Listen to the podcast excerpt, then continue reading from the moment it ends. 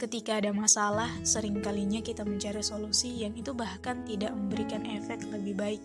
Namun justru semakin membuat masalah berkaru hingga membuat kita menjadi stres dan putus asa.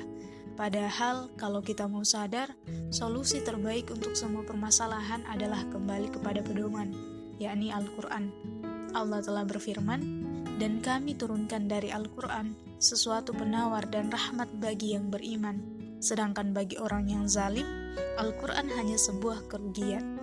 Masalah mungkin datang silih berganti, tetapi jangan jadikan alasan untuk membuat kita lupa diri, karena Allah tidak menyuruh kita untuk bersedih hati, melainkan bagaimana caranya kita menuntaskannya melalui jalan ilahi. Jika ada masalah, coba lebih dekat pada penawarnya, selami kalam-kalamnya, agar kau dapatkan jawaban paling menenangkan.